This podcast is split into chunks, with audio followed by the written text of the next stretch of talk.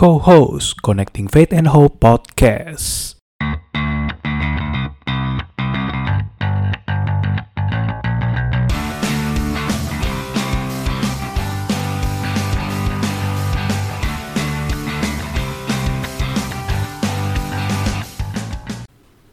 Halo semuanya, balik lagi di Connecting Faith and Hope Podcast bareng sama saya Yohanes. Waduh, apa kabarnya ya teman-teman semua para sobat co-host yang udah nantikan episode terbaru dari kita. Kali ini spesial karena hari ini kita akan ngobrol-ngobrol dengan seorang teman lama saya. Wih, yang udah lama banget nggak ketemu juga dan sekarang dia sudah berkarir dan juga tinggal di Jerman, ya lebih tepatnya di kota Stuttgart dan baru-baru ini juga udah menikah dengan orang bule Jerman. nah, kita mau kenalan juga ya sama uh, satu ini, teman teman gue yang satu ini udah lama gak ketemu. Dan buat teman-teman yang saat ini mendengarkan episode co-host yang terbaru, jangan lupa uh, follow ya di Spotify dan juga di Apple Podcast dan juga di Instagram kita @co-host_media. Jangan lupa untuk selalu follow dan ikutin update-update terbaru dari co-host media. Dan sekarang kita mulai episode kita ini di Connecting Faith and Hope Podcast. Halo, Sela. Halo. Guten Morgen. Guten Morgen. Ini jam berapa ya, gua? Ini Guten Tag sekarang, Guten- Kita udah udah Guten Tag memasuki ya. menjelang siang. gitu. Udah menjelang siang di Jerman sekarang jam 10 ya? Jam 10? Sudah, ya jam 10 benar. Jam 10 di sini jam 3 sore. Weh, udah jam 3 sore nih. Oke, Sela, thank you for your time. Udah nyempetin waktunya di tengah kesibukannya menunggu suami pulang kerja ya saat ini untuk bisa Ya. podcast bareng dengan kita di sini gitu. Kita sampai- hari lagi free, kemarin Mhm. bekerja. Iya bener banget ya, kita udah janjian dan hari ini kita kesempatan banget bisa ngobrol-ngobrol lah ya. Udah lama juga gak ketemu, sebelum ini kita juga, sebelum record ini kita udah ngobrol panjang banget lah ya. Dan kali ini kita akan podcast, kita akan ngobrolin tentang kehidupan seorang Sheila ya. Eh, Sheila Oke. yang, ya gitu ya. Sheila ini eh, eh, memang aslinya dari Surabaya ya. Aslinya Surabaya benar. Kalau lebih tepatnya besar di Surabaya sih, lahir di Madiun, tapi Mhm. orang tua papa Manado, mama campur. Oke. Jadi entahlah. Jadi sebenarnya orang mana aku juga nggak paham. Gado-gado ya. orang Indonesia yang jelas ya benar. Gado-gado benar. Indonesia gado-gado. Nah, pertama kali kenal Sheila ini eh, aku kenalnya dari kampus ya. Waktu itu kita salah, di salah satu apa namanya? Organisasi kemahasiswaan ya, lembaga pers mahasiswa di Fakultas Bisnis. Universitas Katolik Widya Mandala Surabaya. Nyebutnya harus lengkap ya karena Oh, ini. alma mater Ini. Alma mater. kita nih, alma mater ya. alma mater kita non scholar set vita decimus ini harus harus selalu diingat ini ya sampai kapan pun karena ini alma mater tercinta kita. banget, benar banget. Ya, salam halo Pak Kuncorofu. Apa kabar? Sehat-sehat, Pak? Oke, nah kita di situ eh, organisasi pers pada saat itu kita juga sempat eh, organize beberapa eh, apa kegiatan-kegiatan kampus saya dan di situ kita kenal makin eh, kompak lah dengan satu dengan yang lain dalam organisasi tersebut dan memang setelah lulus udah jalannya sendiri-sendiri ya teman-teman di organisasi dan salah satunya Sela akhirnya memutuskan untuk melanjutkan studi di Jerman pada saat itu. Pada tahun berapa ya tepatnya ya pertama kali ke Jerman? Jadi itu tahun 2016 koko. 2016 ya. Udah lima tahun lah kurang lebih ya. Lima tahun. 2016 benar. Nah, ini dia pertanyaannya sebenarnya. Kenapa kok Jerman? Kok enggak negara yang lain? Kenapa kok Jerman pertanyaannya? Kenapa kok Jerman? Jadi awal mulanya itu adalah kakak ipar lebih tepatnya. Jadi kakak ipar aku dia itu dulu S3 di Jerman Yes. di München, Di München. dan dia memotivasiku dia bilang Jerman itu bagus untuk sekolah. Kamu mending kalau mau kamu belajar bahasanya dulu deh. Kamu coba belajar bahasanya dan kamu ikutan program kerja sosial dan lain sebagainya. Kamu eh, berkenalan dulu dengan budayanya, terus kamu sekolah bahasa di sana. Jadi dia yang memotivasiku dan memperkenalkanku ke Jerman ini tadi. Oke. sampai akhirnya oke lah aku coba untuk belajar bahasa Jerman. Jadi aku memulai belajar bahasa Jerman level basic di Indonesia dan akhirnya aku lanjut ke Jerman langsung. Jadi di sini sekolah bahasa Jerman pada saat itu. Pada saat- ikutan program sosial. Pada saat di Surabaya, sekolahnya di mana bahasa Jermannya? ada namanya Goethe Institute jadi Goethe Institute itu eh, institusi resmi untuk sekolah bahasa Jerman untuk belajar bahasa Jerman oh, Oke. itu kalau nggak salah di, di Surabaya itu ada di Bambu Runcing Mhm. kalau di Jakarta itu ada di Jalan Semratulagi kalau nggak salah ya lupa lupa ingat Oke, jadi pokoknya ada di kota-kota besar ada jadi eh, buat para sobat kos yang mungkin saat ini mau belajar bahasa Jerman atau mungkin mau memang melanjutkan studi di Jerman, itu tadi ya di kok lupa ya? Goethe Institute. Goethe Institute. kalau Goethe Institute atau Wisma Jerman kalau di Surabaya itu Wisma Jerman Wisma, Wisma Wisma Jerman, Jerman, di, betul. di tengah kota sih itu ya, tepatnya di daerah Bambu Runcing. Benar. Oke. Nah, setelah memutuskan di Jerman belajar studi di ah, belajar bahasa Jerman, kemudian eh, 2016 ya akhirnya pertama kali menjejakkan kaki di Jerman langsung di Stuttgart ya saat itu ya. Betul banget. Jadi dari awal 2016 sampai detik ini, Hmm. diriku hanya di Stuttgart aja sih. Cuman kalau ke kota-kota lain hanya traveling aja, jalan-jalan dan menikmati. Kalau yang kalau buat buat aku sendiri ya yang ya belum pernah lah ke Jerman belum pernah. Tapi kalau Jerman identiknya pasti dengan yang namanya sepak bola. Nah kalau sepak bola sendiri Oh, benar. kita kalau dengar Jerman ya udah juara Piala Dunia empat kali gitu kan terakhir 2014 dan kotanya yang paling paling dikenal orang mungkin kalau di Indonesia ya Munchen karena ada klubnya namanya Bayern Munchen dan yang selalu menang juara Liga Jerman buat aku yang suka suka banget sama bola selalu ngikutinnya Bundesliga ya Jerman dan tapi di Stuttgart juga ada klub bolanya yang saat itu juga cukup keren di uh, sekitar tahun 2010-an tapi sekarang kayaknya agak sedikit tersiok-siok sih ya ke klubnya Stuttgart I'm sorry Tapi karena sih. iya kan hari sempat keluar dari Bundesliga juga setahu aku. turun kasta lah istilahnya kayak kayak ini kayak Oh, iya. kayak Hamburg SV kan juga klub tradisional tapi sekarang lagi turun kasta gitu. Tapi but okay, Iya. selalu menarik untuk ngomongin Jerman karena aku sendiri juga ada saudara agak jauh sih juga tinggal di Jerman, tepatnya di kota Aachen. iya. Kalau Aachen, kalau Sela di Stuttgart, di Aachen memang cukup jauh ya. Aachen lebih dekatnya ke Belanda ya, perbatasan Belanda Belgia. Benar, salah. itu ya, akan itu ke arah perbatasan Belanda Jerman. Jadi ke arah atas sih lebih ke utara dia. lebih ke utara dan Aachen kalau ngomongin Aachen ya nggak bisa lepas dari sosok bap, eh, almarhum presiden ketiga kita B.J. Habibie. Itu kuliahnya di Aachen juga kan. Dan saudara-saudara jauh juga ada di situ dan udah berpuluh-puluh tahun tinggal di sana dan punya keluarga juga sekarang stay di sana. Seperti itu. Nah itu aja yang aku tahu tentang Jerman. Selebihnya eh, kita mau tanya-tanya ngobrol dengan Sheila yang udah lima tahun sekarang udah tinggal di Jerman. Nah sekarang nih 2016 kemudian apa yang pertama kali eh, kamu eh, ngerjain di sana? Kuliah kah sekolah? Sambil kerja? Gimana Nah, jadi aku waktu awal 2016 ke sini itu aku ikutan program namanya pro- itu program budaya dan sosial budaya gitu. Jadi programnya adalah tinggal dengan keluarga Jerman dan kamu dianggap seperti anak angkat gitu. Kemudian kita bisa sekolah bahasa. Jadi istilahnya lumayan lah aku menghemat menghemat uang apartemen ya kan. jadi menghemat eh, uang apartemen kita bisa tinggal sama keluarga Jerman, belajar budaya Jerman itu seperti apa. Dan kebetulan pada saat itu eh, diriku cukup beruntung untuk dapat keluarga Jerman yang menengah ke atas. Udah orang Jerman, di mana di mana orang Jerman itu kebanyakan orang berada dan ini ditambah lagi menengah ke atas dia punya perusahaan internasional jadi diriku banyak belajar sih dari mereka dan mereka benar-benar nunjukin gimana sih perusahaannya mereka berjalan gimana sih sistem di sini gimana sistem pendidikan di Jerman karena benar-benar beda banget. Kalau kita di Indonesia sistem pendidikan kita itu lebih condong ke sistem pendidikan seperti di Amerika. Kalau di Jerman sistem pendidikannya itu beda banget. Kita nggak ada kita nggak ada namanya high school uh, jun- junior high school senior high school kita nggak ada di sini. Jadi mereka punya istilah mereka sendiri. Hmm. Uh, susah sih jelasnya rada complicated gitu. Eh, oke lah pokoknya seperti itu intinya. Dan eh, dari program ini aku juga jadi jalannya bersamaan barengan jadi ikutan program ini sekaligus sekolah bahasa. Jadi aku sekolah bahasa sekitar seminggu itu tiga atau empat kali aku lupa lupa ingat. Mhm. tiga empat kali sa tiga tiga sampai empat hari dalam satu minggu itu aku sekolah bahasa sama ikutan program ini. Jadi program ini yang tinggal sama orang Jerman itu tadi kita udah dianggap anak angkat dan kita jadi kayak kakak kakak buat adik buat anak-anaknya mereka Oh, jadi udah dianggap seperti anak sendiri lah ya di situ waktu tinggal di sana ya pertama kali. Nah, Nah, yang menarik ya sobat kos. Sela ini eh, pada saat pertama kali ke Jerman itu nggak ada keluarga di sana sendirian dan benar-benar mandiri seorang diri di sana dan memang pasti eh, perjuangan di awal itu nggak gampang ya. Nah itu ada nggak kayak culture shocknya atau mungkin kamu sedikit, aduh kesepian mungkin ya karena nggak ada keluarga nggak ada itu cara ngatasinnya gimana mungkin bisa di sharing? Itu benar itu Hmm, tuh? itu benar banget sih itu benar banget. Apalagi di Jerman itu posisinya tuh beda nggak kayak di Indo. Jadi kalau misalnya kita kayak di rumah gini ya sama tetangga itu kita nggak bisa kayak seenaknya kayak apa ya istilahnya kalau kita bahasa Surabaya itu kayak nonggo gitu ya bu. Bener nggak sih? Nonggo kan? Kayak sama tetangga Iya, ngobrol gitu ya kan? Kalau di sini tuh nggak nggak bisa kayak gitu. Dan benar-benar kayak kalau di daerah perumahan gini ya itu tuh kayak sepi gitu. Sunyi sepi sedih gitu kayak. Apalagi kalau kita ya baru datang di Jerman sunyi sepi nggak kenal siapa-siapa ya kan? Aku masih ingat banget itu hari ketiga aku datang aku sampai di Jerman. Itu hari ketiga aku tiba di Jerman. Dan aku nangis di kamar. Sampai papa angkat aku ini orang Jerman. Itu datang nyamperin ke kamar. Karena dia tahu dari anaknya dia. Kayaknya si Sheila nangis. Kenapa dia? Gitu kan. Terus disamperin sama papa angkatku.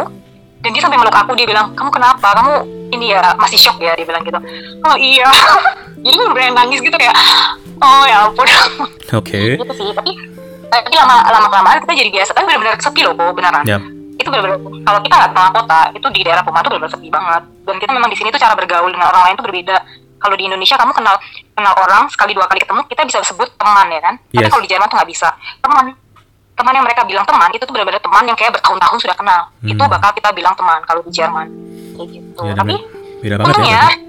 Beda banget ya berarti ya. beda banget Iya, gitu. Tapi untungnya di Stuttgart ini karena termasuk kota besar, karena ini termasuk kota besar, jadi di Stuttgart itu ada namanya Perki, Persekutuan Kristen Indonesia. Hmm. Jadi kebetulan kebetulan waktu itu aku gereja di gereja internasional Iya. dan kenal satu orang Mhm. Indonesia Mhm. dan dia ikut Persekutuan Perki ini, Persekutuan Kristen, Kristen Indonesia ini. Jadi- Akhirnya dia ngajakin aku ke sana dan kita kenal banyak orang di sana. Jadi semenjak itu diriku aktif gitu. Dan juga makin Ya, kenal coba beberapa orang baru dan kebetulan juga komunitasnya ini kan orang Indonesia ya. Benar, benar. Hmm, jadi- Tapi selain itu juga aku di macam-macam. Jadi Iya. ikutan kelas tari, ikutan eh, ambil kelas bahasa Spanyol juga. Hmm. Kayak gitu sih. Bahasa Spanyol juga. Iya. Oke oke oke. Nah itu pertama kalinya ya, pertama kalinya eh, waktu pertama kali di Stuttgart banyak sekali mengalami yang namanya cult- culture shock dan juga kerinduan-kerinduan dengan keluarga yang jauh di Indonesia. Nah setelah itu untuk mengatasi itu kamu mengambil beberapa pekerjaan-pekerjaan yang tentunya untuk mengisi waktu sekali- sekaligus kan juga untuk ke depan untuk bisa hidup mandiri lah ya seperti itu. Nah pekerjaan pertama kali yang kamu ambil di Jerman itu apa? Nah, lebih tepatnya, kalau misalnya kita ikutan program, visa kita akan tertulis kalau kita ikutan program. Misal kayak tadi yang aku bilang, ada program yang namanya pair yang tinggal sama keluarga, itu program budaya dan sosial. Oke. Kemudian ada lagi program social working gitu, jadi benar-benar kerja sama orang-orang Jerman. Eh, kalau kita ikut program budaya, kita nggak bisa kerja lagi di luar kok. Oke. Jadi kayak misalnya program budaya yang tadi yang paling pertama kali, yang pair itu, kita dianggap anak sama mereka, dan kita bakal kayak dapat uang saku dari mereka, kita sekolah, tapi dengan dengan istilah kita juga ngebantuin mereka sama-sama apa ya, kayak misal apa mamanya ini mau ngedate gitu ya kan, mereka mau sekali date, ya aku stay di rumah bisa sama, sama anak-anaknya kayak gitu. Oke. Tapi kita benar-benar udah kayak keluarga, dianggap keluarga, benar-benar kayak ya udah kita traveling bahkan kita sempat traveling bareng ke empat negara Eropa lainnya. Kayak gitu. Jadi nah waktu yang sekolah dan studi bahasa Jerman juga sambil bekerja ya seperti itu yang kemarin ya. Benar. Habis habis dari program ini satu tahun, aku pindah untuk uh, social working itu tadi yang aku cerita, Mhm. Freiwillige Sozialisian namanya itu FSJ kalau kita tulis dalam bahasa Indonesia itu J, kalau dalam bahasa Jerman kita bilangnya FSJ, Freiwillige Sozialisian. Dan itu program kerja di bidang sosial, bidang contohnya kayak bidang kesehatan atau bisa di kindergarten, Hmm. bisa di beberapa bidang yang termasuk bidang-bidang sosial intinya. Jadi kita bisa kerja di sana dan kerja sama orang Jerman sekarang kita praktis bahasa Jerman kita. Kayak gitu. Dan dari pengalaman Itu bekerja itu makin mempercepat kemampuan untuk ngomong bahasa Jermannya ya. Karena sering praktek juga benar ya. banget tuh hmm, hmm, itu betul banget sih. Dan itu buat aku itu nilai plus banget sih semenjak semenjak aku ikutan program yang social work yang program yang kedua. Itu benar-benar bikin aku semakin lancar bahasa Jerman. Jadi karena aku udah ambil ujian juga dan lain sebagainya jadi udah udah punya sertifikat bahasa Jerman tinggal praktisnya aja kan jadi bagus banget sih Bahasa Jerman tuh susah banget loh. Tergantung kali ya.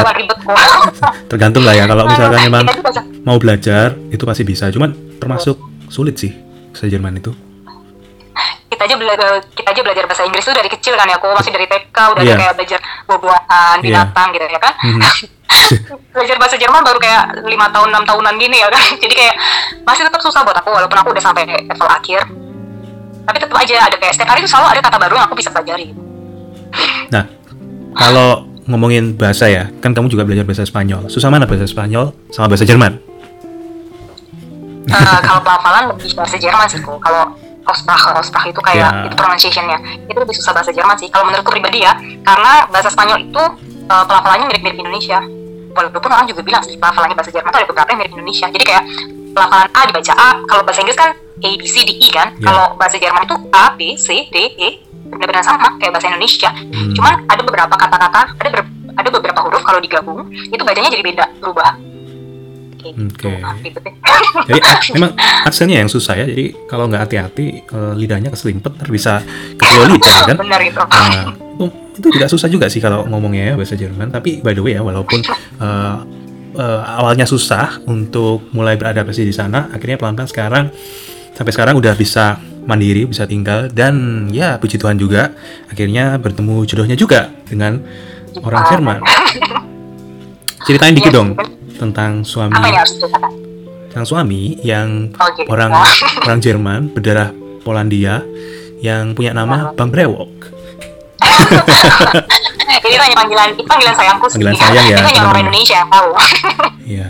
gitu. Ketemunya di mana pertama ini- kali kok bisa jodohnya dengan orang Jerman?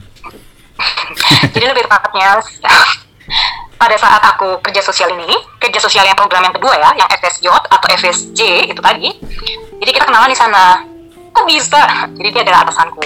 Oh, oke. Jadi Jadi dia adalah atasanku tempat kerja. Oke Sel, sebelum masuk ke lebih dalam ya, dijelasin dulu dong FSJ itu kamu kerjanya untuk pelayanannya di mana, terus job desk-nya yang tadi sempat cerita ke aku ya, bisa diceritain dikit aja supaya uh, sobat kos yang dengerin podcast kita ini ngerti juga uh, pekerjaan kamu apa di sana. Oke, oke. Nah, jadi FSJ Nah, jadi FSJ itu tadi atau Family Social Care itu kan tadi seperti aku bilang eh, bisa di berbagai macam kayak di kindergarten, di panti atau di di rumah sakit. Nah, Iya. pada saat itu aku kerjanya di sebuah panti. Jadi sebuah panti tempat tinggal orang cacat mental dan fisik. Wah, berat dong. Iya sih, memang berat. Jadi kayak Mhm. apa ya? Kita harus eh, kurang lebih kayak perawat. Jadi benar-benar kayak bantuin untuk merawat mereka. Tapi kita juga harus belajar untuk mendidik mereka supaya suatu saat mereka tuh bisa mandiri. Jadi jadi contohnya ya, jadi eh, mereka ini orang cacat mental dan fisik, mereka juga bekerja dari hari Senin sampai hari Rabu. Eh, dari hari Senin sampai hari Jumat. Jadi mereka juga kerja dari hari Senin sampai hari Jumat. Dan kita bantuin mereka mempersiapkan diri mereka untuk pergi ke tempat kerja. Kita juga eh, ngurusin jadwal mereka sama dokter, kita ngurusin jadwal mereka untuk ke salon, kita ngurusin jadwal liburan mereka, kita harus organize liburan mereka. Jadi kayak pada saat aku social work kapan lalu itu, diriku sebagai orang asing ya, dibilang kalau di sini kita orang asing, orang luar Jerman, diriku juga sempat shock karena gue dipilih sama uh, sama bapak bos gitu ya kan dipilih sama bapak bos ditunjuk untuk ikutan uh, liburan mereka liburan orang-orang cacat ini keluar kota gitu ya kan. Bayangin sama orang-orang cacat pakai kursi roda gitu ya kan atau orang-orang cacat yang agresif cacat mental yang mungkin mereka punya Down syndrome mereka demens atau yang tua-tua gitu ya kan penyakitnya macam-macam gitu jenisnya. Dan kita harus jalan sama mereka waktu itu kita 8 hari 7 malam 8 hari benar. Waktu itu kita 8 hari OTW sama mereka jalan sama mereka naik, naik kereta ke kota lain ke arah atas itu namanya Dortmund. Yes. dan itu benar-benar itu pelajaran pelajaran bagus banget sih buat aku pribadi karena aku belajar gimana sih kalau sama orang yang disable gitu. Orang yang mem- mempunyai cacat mental dan fisik gimana sih cara kita menangani saat kita ada di luar gitu loh. Biasanya kan ah nggak mau ribet ah nggak mau lah harus ngedorong loli harus ngedorong kursi roda harus ngurusin ini itu ribet lah ya. Tapi kalau di sini itu benar-benar kayak cukup bagus sih. Aku bilang Jerman itu banyak memfasilitasi untuk orang-orang cacat. Jadi orang-orang cacat tuh tetap bisa menikmati hidup mereka seperti layaknya kita orang-orang yang normal ini. Jadi kita benar-benar kayak benar-benar liburan kita pergi ke bioskop kita pergi uh, ke museum dan lain sebagainya. Benar-benar kita kita yang arrange kita yang uh, organize semua dalam 8 hari 7 7 malam itu kita yang organize semuanya yang mereka apa ya kayak kegiatan mereka dalam 8 hari itu. Jadi lebih ke arahnya mendampingi orang-orang yang memang membutuhkan uh, bantuan karena memang uh, ada disability juga dan juga uh, cacat dari lahir. Tapi yang menarik tadi juga disebutkan mempersiapkan mereka untuk bekerja ya. Nah, benar dari pemerintah Jerman sendiri uh, pekerjaan yang bisa uh, mereka lakukan ini dalam hal apa aja nih Sel? Nah, jadi ini juga bagus sih yang kukira Indonesia juga bisa mencontoh Jerman. Jadi di Jerman itu disediakan kalau kita sebutnya adalah Rechtsstaat, jadi disediakan tempat kerja tempat kerja untuk orang-orang penyandang cacat mental dan fisik di mana mereka tuh tetap bisa bekerja. Mereka diberdayakan untuk bekerja. Contohnya dari Daimler, misal eh, dari Daimler. Jadi Daimler ini adalah perusahaan penyokong spare part buat mobil-mobil yang ada. Nah, ada satu Werkstatt itu yang khusus untuk khusus dari Daimler, dibuat Daimler untuk orang-orang cacat mental. Jadi mereka orang cacat mental ini mereka bisa bekerja di, di ya? Jadi orang cacat mental ini bisa bekerja di departemen atau di bagian misal contoh ada satu spare part yang kita harus cuman kayak cepet jadi kayak cuman Hmm. kayak cuman apa ya apa sih kok bahasa Indonesia jadi kayak cuman masangin atau misalnya em, katakanlah dalam bahasa Indonesia apa kurang bingung jelasinnya Tapi simple ya, yang simple-simple tapi Iya, pokoknya pekerjaan-pekerjaan yang simpel yang bisa diambil alih sama orang yang cacat mental dan fisik gitu loh. Itu bisa mereka kerjakan. Atau enggak, mereka bisa kayak produksi lilin, produksi Hmm. frame buat foto-foto. Mereka banyak kok, mereka punya beberapa departemen gitu. Jadi mereka diberdayakan untuk untuk mengerjakan pekerjaan-pekerjaan yang mereka masih bisa kerjakan gitu. Hmm. Buat aku tuh bagus banget sih. Maksudnya Jerman itu masih melihat potensi dari orang-orang cacat mental dan fisik ini. Kayak gitu. dan mereka dari pekerjaan itu mereka bisa mendapatkan pemasukan sendiri ya. Benar, walaupun nggak banyak, Mhm. tapi oke lah. Hmm, oke oke oke. Nah itu tadi backgroundnya ya, pekerjaannya Sheila ya selama di Stuttgart sampai hari ini. Nah balik lagi nih ke ke awalnya tadi nih kan udah bahas tentang pertemuan dengan suami orang Jerman. Nah, tadi itu kan ketemu di tempat kerja kebetulan sebagai pimpinan kamu juga di situ. Nah cerita dong kenapa kok bisa akhirnya eh, klik sama ini suamimu ini, Bang Brewok ini. Bang Brewok lagi namanya. Gitu ya. Jadi namanya Yarek sebenarnya. Susah ya, Yarek. Jadi tulisannya J A R E K. Tulisannya Jarek, tapi namanya dibacanya Yarek. Yarek. Yarek. Benar. Jadi sebenarnya dulu dulu tuh aku deket sama beberapa orang gitu ya kan. Maksudnya kita udah kita udah hidup rantau.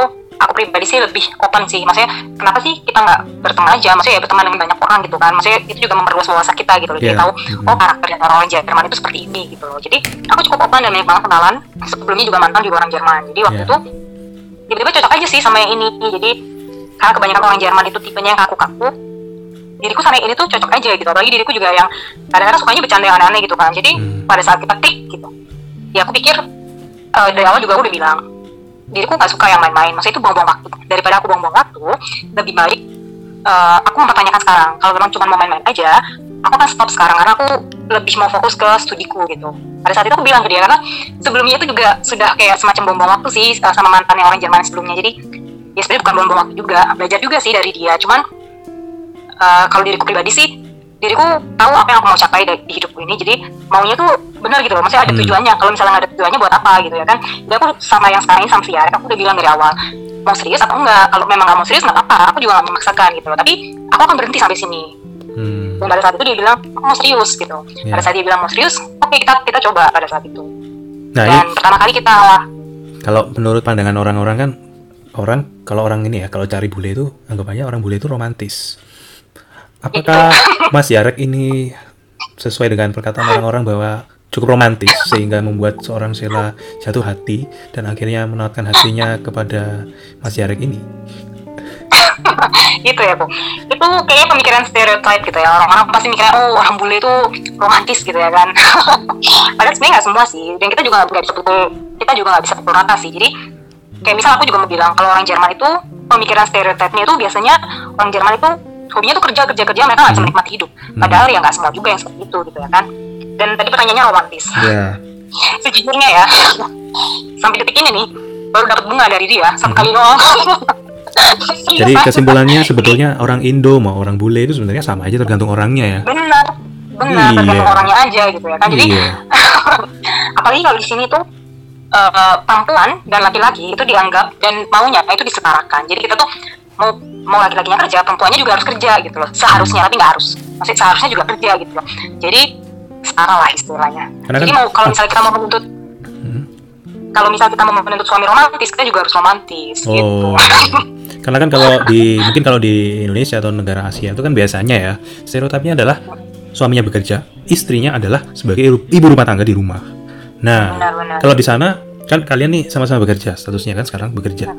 Apakah juga ada banyak mungkin orang Jerman di sana yang stereotipnya sama seperti di sini? Istri yang suaminya bekerja, istrinya ngurusin rumah tangga. Nah kalau itu kalau pemikiran stereotip itu tuh sebenarnya nggak ada sih, cuman karena di sini terbiasa kalau istri itu juga bisa bekerja gitu loh, semua tuh open gitu. Maksudnya kalau memang dia mau untuk bekerja ya silakan dia boleh bekerja gitu. Tergantung sih setiap rumah tangga kan punya konsep mereka masing-masing gitu kan, kok. Tapi Betul. Pada umumnya sih di sini dua-duanya bisa bekerja gitu. Kecuali kalau istrinya itu hamil. Jadi kalau misalnya di sini tuh ada namanya Mutterschutz. Apa itu Mutterschutz? Mutterschutz itu seperti kalau wanita hamil mereka itu nggak boleh kerja, tapi mereka tetap biasanya dapat gaji dari tempat kerja Hmm. gitu. Jadi mereka harus di rumah, terutama di yang terutama perempuan-perempuan yang kerja di bidang keperawatan, kesehatan itu mereka harus stay di rumah karena takutnya janinnya itu terinfeksi atau kenapa-kenapa kayak gitu. Hmm. Kalau yang kerja di perusahaan, maksudnya perusahaan yang kayak di kantoran gitu, kayaknya nggak harus. Cuman ada kayak tiga bulan kalau uh, mau melahirkan itu mereka stay home kayak gitu sih. Nah. Tapi biasanya tergantung sih, maksudnya tergantung tiap tiap rumah tangga. tiap rumah tangga lah ya. Oke, Betul. nah kalau menyangkut fasilitas kesehatan, kemudian fasilitas pendidikan, nah sebagai kalau di sana kan ngomongnya kan orang asing kan, kamu kan di sana kan, karena kan memang bukan orang asli Jerman. Fasilitas yang didapat itu sama atau enggak sih? Atau dibedain? Kalau mungkin orang Jerman, kalau kamu orang asing nih, mungkin fasilitasnya nggak bisa sama sama orang Jerman. Nah, kalau itu tergantung tergantung fasilitasnya apa dulu. Jadi contohnya misal kayak contohnya kemarin eh, kasus yang awal-awal kasus corona Hmm? itu sudah ada sempat kayak informasi kalau setiap orang Jerman itu akan dapat kayak semacam subsidi bantuan gitu dari negara, terutama mereka yang kerja di bidang kesehatan dan lain sebagainya. Tapi sampai sekarang aku belum tahu pasti sih kalau itu udah terrealisasi atau belum, itu aku belum tahu pasti. Tapi yang jelas kalau kalau kita bukan orang Jerman, Hmm? kita nggak dapat itu karena itu istilahnya kayak subsidi bantuan dana gitu lah. Kalau kita sebagai orang luar Jerman kita nggak dapat itu. Tapi kalau soal fasilitas yang lainnya kita dapat yang sama. Jadi kayak misal kita punya asuransi, kita bakal di rumah sakit dapat yang sama, fasilitas yang sama Mhm. dengan orang Jerman lainnya. Selama kita bayarnya juga sama kan. Jadi kebanyakan di sini kalau sistem asuransinya itu separuh dibayar kita dari Mhm. pendapatan kita, separuhnya dibayar dari pemberi kerja. Oke. Menarik sih ya kalau ngobrolin tentang kehidupan di Jerman karena memang cukup berbeda dengan di sini dan juga beberapa negara yang lain. Nah, eh, tadi ngomongin juga udah ngomongin tentang suami, ya kan? Terus juga kehidupan di sana. Nah, ke depan nih rencananya eh, ada rencana apa nih ke depan? Mungkin ada project tertentu atau ada rencana untuk pekerjaan yang lainnya? Ada nggak rencana lain selain ini? banyak sih rencananya. Cuman berproses lah. Memang sebenarnya banyak banget. Cuman program kayak untuk membuat ini, jadi lagi fokusnya program baby mungkin. Oh ya gitu ya bu. Eh, itu pertanyaan cukup berat untuk dijawab. Gitu ya. Em, banyak sih. Jadi kayak rencana kita sebenarnya kayak contoh rencana awal sih. Kayak kita selalu lagi proses untuk mencari rumah untuk kita beli. Jadi Hmm. kebanyakan orang Jerman itu tinggalnya itu kayak di apartemen-apartemen gitu loh. Karena buat mereka hidup di apartemen itu simpel tapi Iya. apartemen Jerman tuh beda ya nggak kayak di apartemen, apartemen di Indo kalau apartemen di Indo itu kan kayak gedung-gedung pencakar langit gitu ya kan tinggi-tinggi lah di ya itu berbeda Hmm, tinggi-tinggi gitu kalau di sini kalau- Hmm. Iya betul. Kalau di Jerman itu kayak kalau kita lihat dari luar tuh kayak bangunan rumah biasa, tapi Oke. rumah yang benar-benar lumayan megah gitu ya kan. Iya, tapi iya. di dalam rumah itu ada contohnya kayak 4 sampai 6 atau 4 sampai 8 rumah tangga. Hmm, keluarga gitu. Oke. Itu apartemen-apartemen di Jerman modelnya begitu. Hmm. Biasanya dan kita pribadi kita juga lagi proses pencarian rumah untuk dibeli sih karena mikirnya kalau misalnya mau sewa lagi yang ada kita bikin kayak orang yang punya rumahnya ya kan. Iya. mending kita duitnya buat kita bayar cicilan aja gitu. Maksudnya mending sekalian ya kita nanti suatu saat rumah itu punya kita gitu loh daripada kita bikin kayak orang lain ya kan. itu sih itu prinsipku pribadi lebih tepatnya. Hmm. Jadi dia setuju dengan itu. Dan dan lagi fokus YouTube. YouTube. Kalau sudah monetisasi itu, Hmm. jadi aku bakal bakal fokus untuk lanjutin cari kuliah lagi Hmm. karena pengen lanjut sekolah lagi. Jadi banyak sih maunya. jadi buat kalau orang teman-teman banyak maunya. jadi buat teman-teman yang dengerin podcast ini ya jangan lupa Sheila ini punya ini ya punya YouTube channel jangan lupa untuk dilihat videonya di subscribe di like dan juga di komen channelnya namanya. Traveling and Cooking with Sheila jadi Balik kebalik kok. oh kebalik sorry sorry sorry I'm sorry I'm sorry sorry Cooking and Traveling with Sheila traveling with Sheila. Nah, itu dia. Ntar diedit ya. nah, jadi eh, di situ lebih banyaknya sih videonya tentang eh, masak memasaknya Sheila di sana dan juga eh, daily vlog kehidupannya dia di sana. Ya, ada video-videonya waktu dia traveling, jalan-jalan, keliling-keliling kota, keliling-keliling ke negara tetangga di Jerman dan juga yang penasaran dengan suaminya ya tuh lihatlah di situ ya videonya di YouTube ada. Ada tips-tips tentang hidup di Jerman juga ada tips tentang hidup di Jerman. Ada juga sekarang lagi memulai buat kelas bahasa Jerman sih. Jadi udah ada tiga video, satu video introduction, Ya. yang kedua udah mulai video awal belajar bahasa Jerman. Benar. Jadi buat kalian yang mau belajar bahasa Jerman basic bisa tuh. Aku ntar mau lihat biar tahu dikit-dikit ya. Benar, boleh boleh kok. Oke, nah itu dia. Nah, selain pekerjaan, rumah tangga, nah dari sisi eh, rohani sendiri, Sheila gimana? Apa ada kegiatan di, di ministry di gereja yang sekarang masih tetap berjalan? pada tahun 2016-2017 itu aktif banget di Turki. Jadi Persekutuan Kristen Indonesia. Jadi kita punya kayak program acara-acara gitu. Terus kita juga nyanyi kayak vokal grup di gereja-gereja Jerman keliling kayak gitu. Hmm, kita juga perayaan Natal kita ngundang juga orang-orang Jerman dan lain sebagainya. Jadi pada saat itu aku aktif banget di situ dan sekarang em, sekarang tidak begitu aktif tapi ikutan semacam pendalaman Pendalaman Alkitab Alkitab. jadi kayak komunitas gitu kayak gitu pertemuannya seminggu berapa kali? Kalau pendalaman Alkitab ini satu bulan dua kali kok. Oh. Kalau yang PFP Mhm. itu sebulan sekali. sebulan sekali ya. Nah, tapi karena corona jadi cuma bisa kayak webcam gitu doang. Hmm, online ya, online meeting. Nah, tapi kalau yang pendalaman Alkitab karena kita jumlahnya nggak begitu banyak, di bawah 10 biasanya, jadi kita tetap bisa ketemu belakangan ini sih, udah dua kali ketemu. Ya karena memang dari pemerintah setempat untuk pertemuan-pertemuan di dalam ruangan dibatasin ya memang ya maksimal hanya 10 orang. Jadi kalau masih di bawah 10 orang untuk pertemuan lokal masih diizinkan seperti itu. Tips mungkin buat eh, teman-teman yang mau studi atau mungkin mau eh, melanjutkan karir atau pekerjaan kerja di Jerman itu dari Sheila mungkin ada tips-tips dan pesan-pesan supaya teman-teman ini bisa ke Jerman. Kayak gimana? Boleh? Eh, boleh.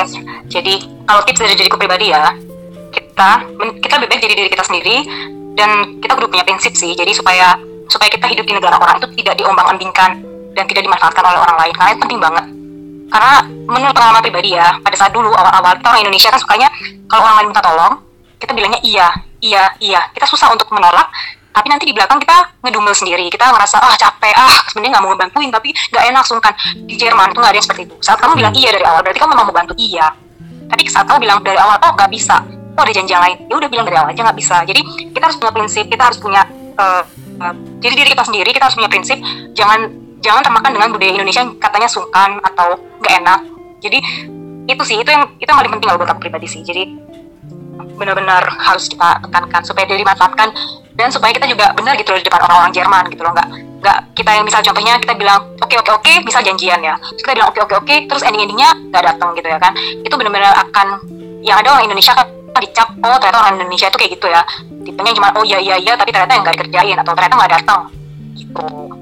Hmm, jadi itu berarti itu lebih tipsnya lebih ke budayanya ya budayanya orang Jerman yang lebih to the point aja kalau ngomong iya iya kalau enggak iya, enggak gitu ya betul sekali. Jadi itu penting sih.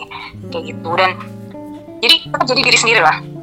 Jadi, punya prinsip, itu jadi, penting. jadi memang kan setiap pribadi kan punya prinsip-prinsip dalam hidup ya. Apalagi kan kalau di negara barat apalagi di Jerman ini kan ada salah satu tradisi kebiasaan di mana untuk ya salah satunya tradisi minum ya. Bir kan itu sangat uh, culture banget lah di Jerman ya. Dan memang ada beberapa dari kita yang mungkin menghindari untuk tidak meminum minuman beralkohol. It's okay nggak ada masalah. Bukan berarti kita harus mengiyakan semuanya. Tetapi di sana memang itu budaya bukan berarti minum adalah mabuk-mabukan terus seneng-seneng sendiri atau enggak. Tapi memang itu bagian dari social life yang mungkin agak berbeda dengan uh, budaya kita sebagai orang Indonesia yang melihat waduh kok minum-minum kayak gitu ya? Tadi itu memabukkan kan itu kan haram dan sebagainya. Tapi memang itu kembali lagi ke diri kita gimana kita beradaptasi dengan kehidupan di sana. Dan mungkin ada beberapa uh, ajaran-ajaran agama tertentu atau mungkin ajaran agama kita yang memang untuk menghindari hal itu. Tetapi ya kembali lagi ya kita mau ya atau enggak itu kan kembali ke diri kita dan konsekuensinya kita sendiri yang yang tahu kan seperti itu. Tapi tanpa menjudge orang lain oh kamu ini salah kamu ini benar kayak gitu. Jadi kembali lagi ya sebagai manusia kita manusia adalah manusia uh, makhluk sosial nggak bisa nggak ada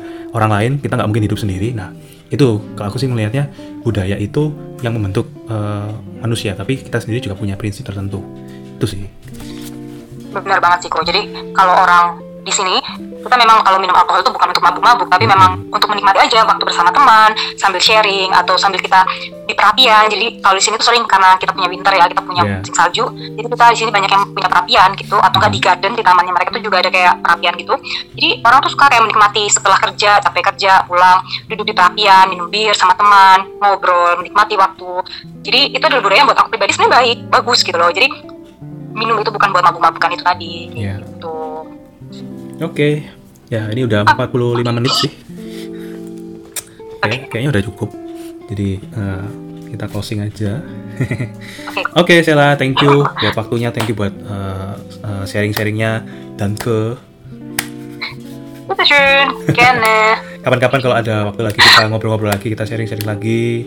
Siapa tahu kita ada waktu pas kamu balik ketemu atau ya kapan-kapan kalau ada kesempatan ya boleh boleh pasti dong Thank you ya. Kita bikin reuni LPM loh. Reuni, iya harus harus banget kita harus reuni kan. Siapa tahu siapa tahu pendengarnya adalah orang LPM ini. Halo semuanya. Oke, okay, itu dulu ya. Uh, Sela, thank you buat waktunya. Buat sama salam buat uh, suami, salam buat keluarga, salam buat teman-teman yang ada di sana. Nanti disalamkan. Sehat-sehat selalu ya. Sehat-sehat selalu. Selalu memberkati. Nah itu teman-teman uh, para sobat co-host uh, ngobrol-ngobrol kita dengan Sheila yang sekarang ini tinggal di Stuttgart Jerman. Semoga uh, podcast kita episode kali ini bisa jadi inspirasi buat teman-teman semua yang mendengarkan dan juga bisa menjadi berkat buat kita semua. Dan selalu ikuti episode episode kita selanjutnya di Connecting Fit and Hope Podcast, co-host di Spotify dan juga di Apple Podcast. Dan selalu ikuti update terbaru kita di Instagram kita @co-hostmedia. Thank you.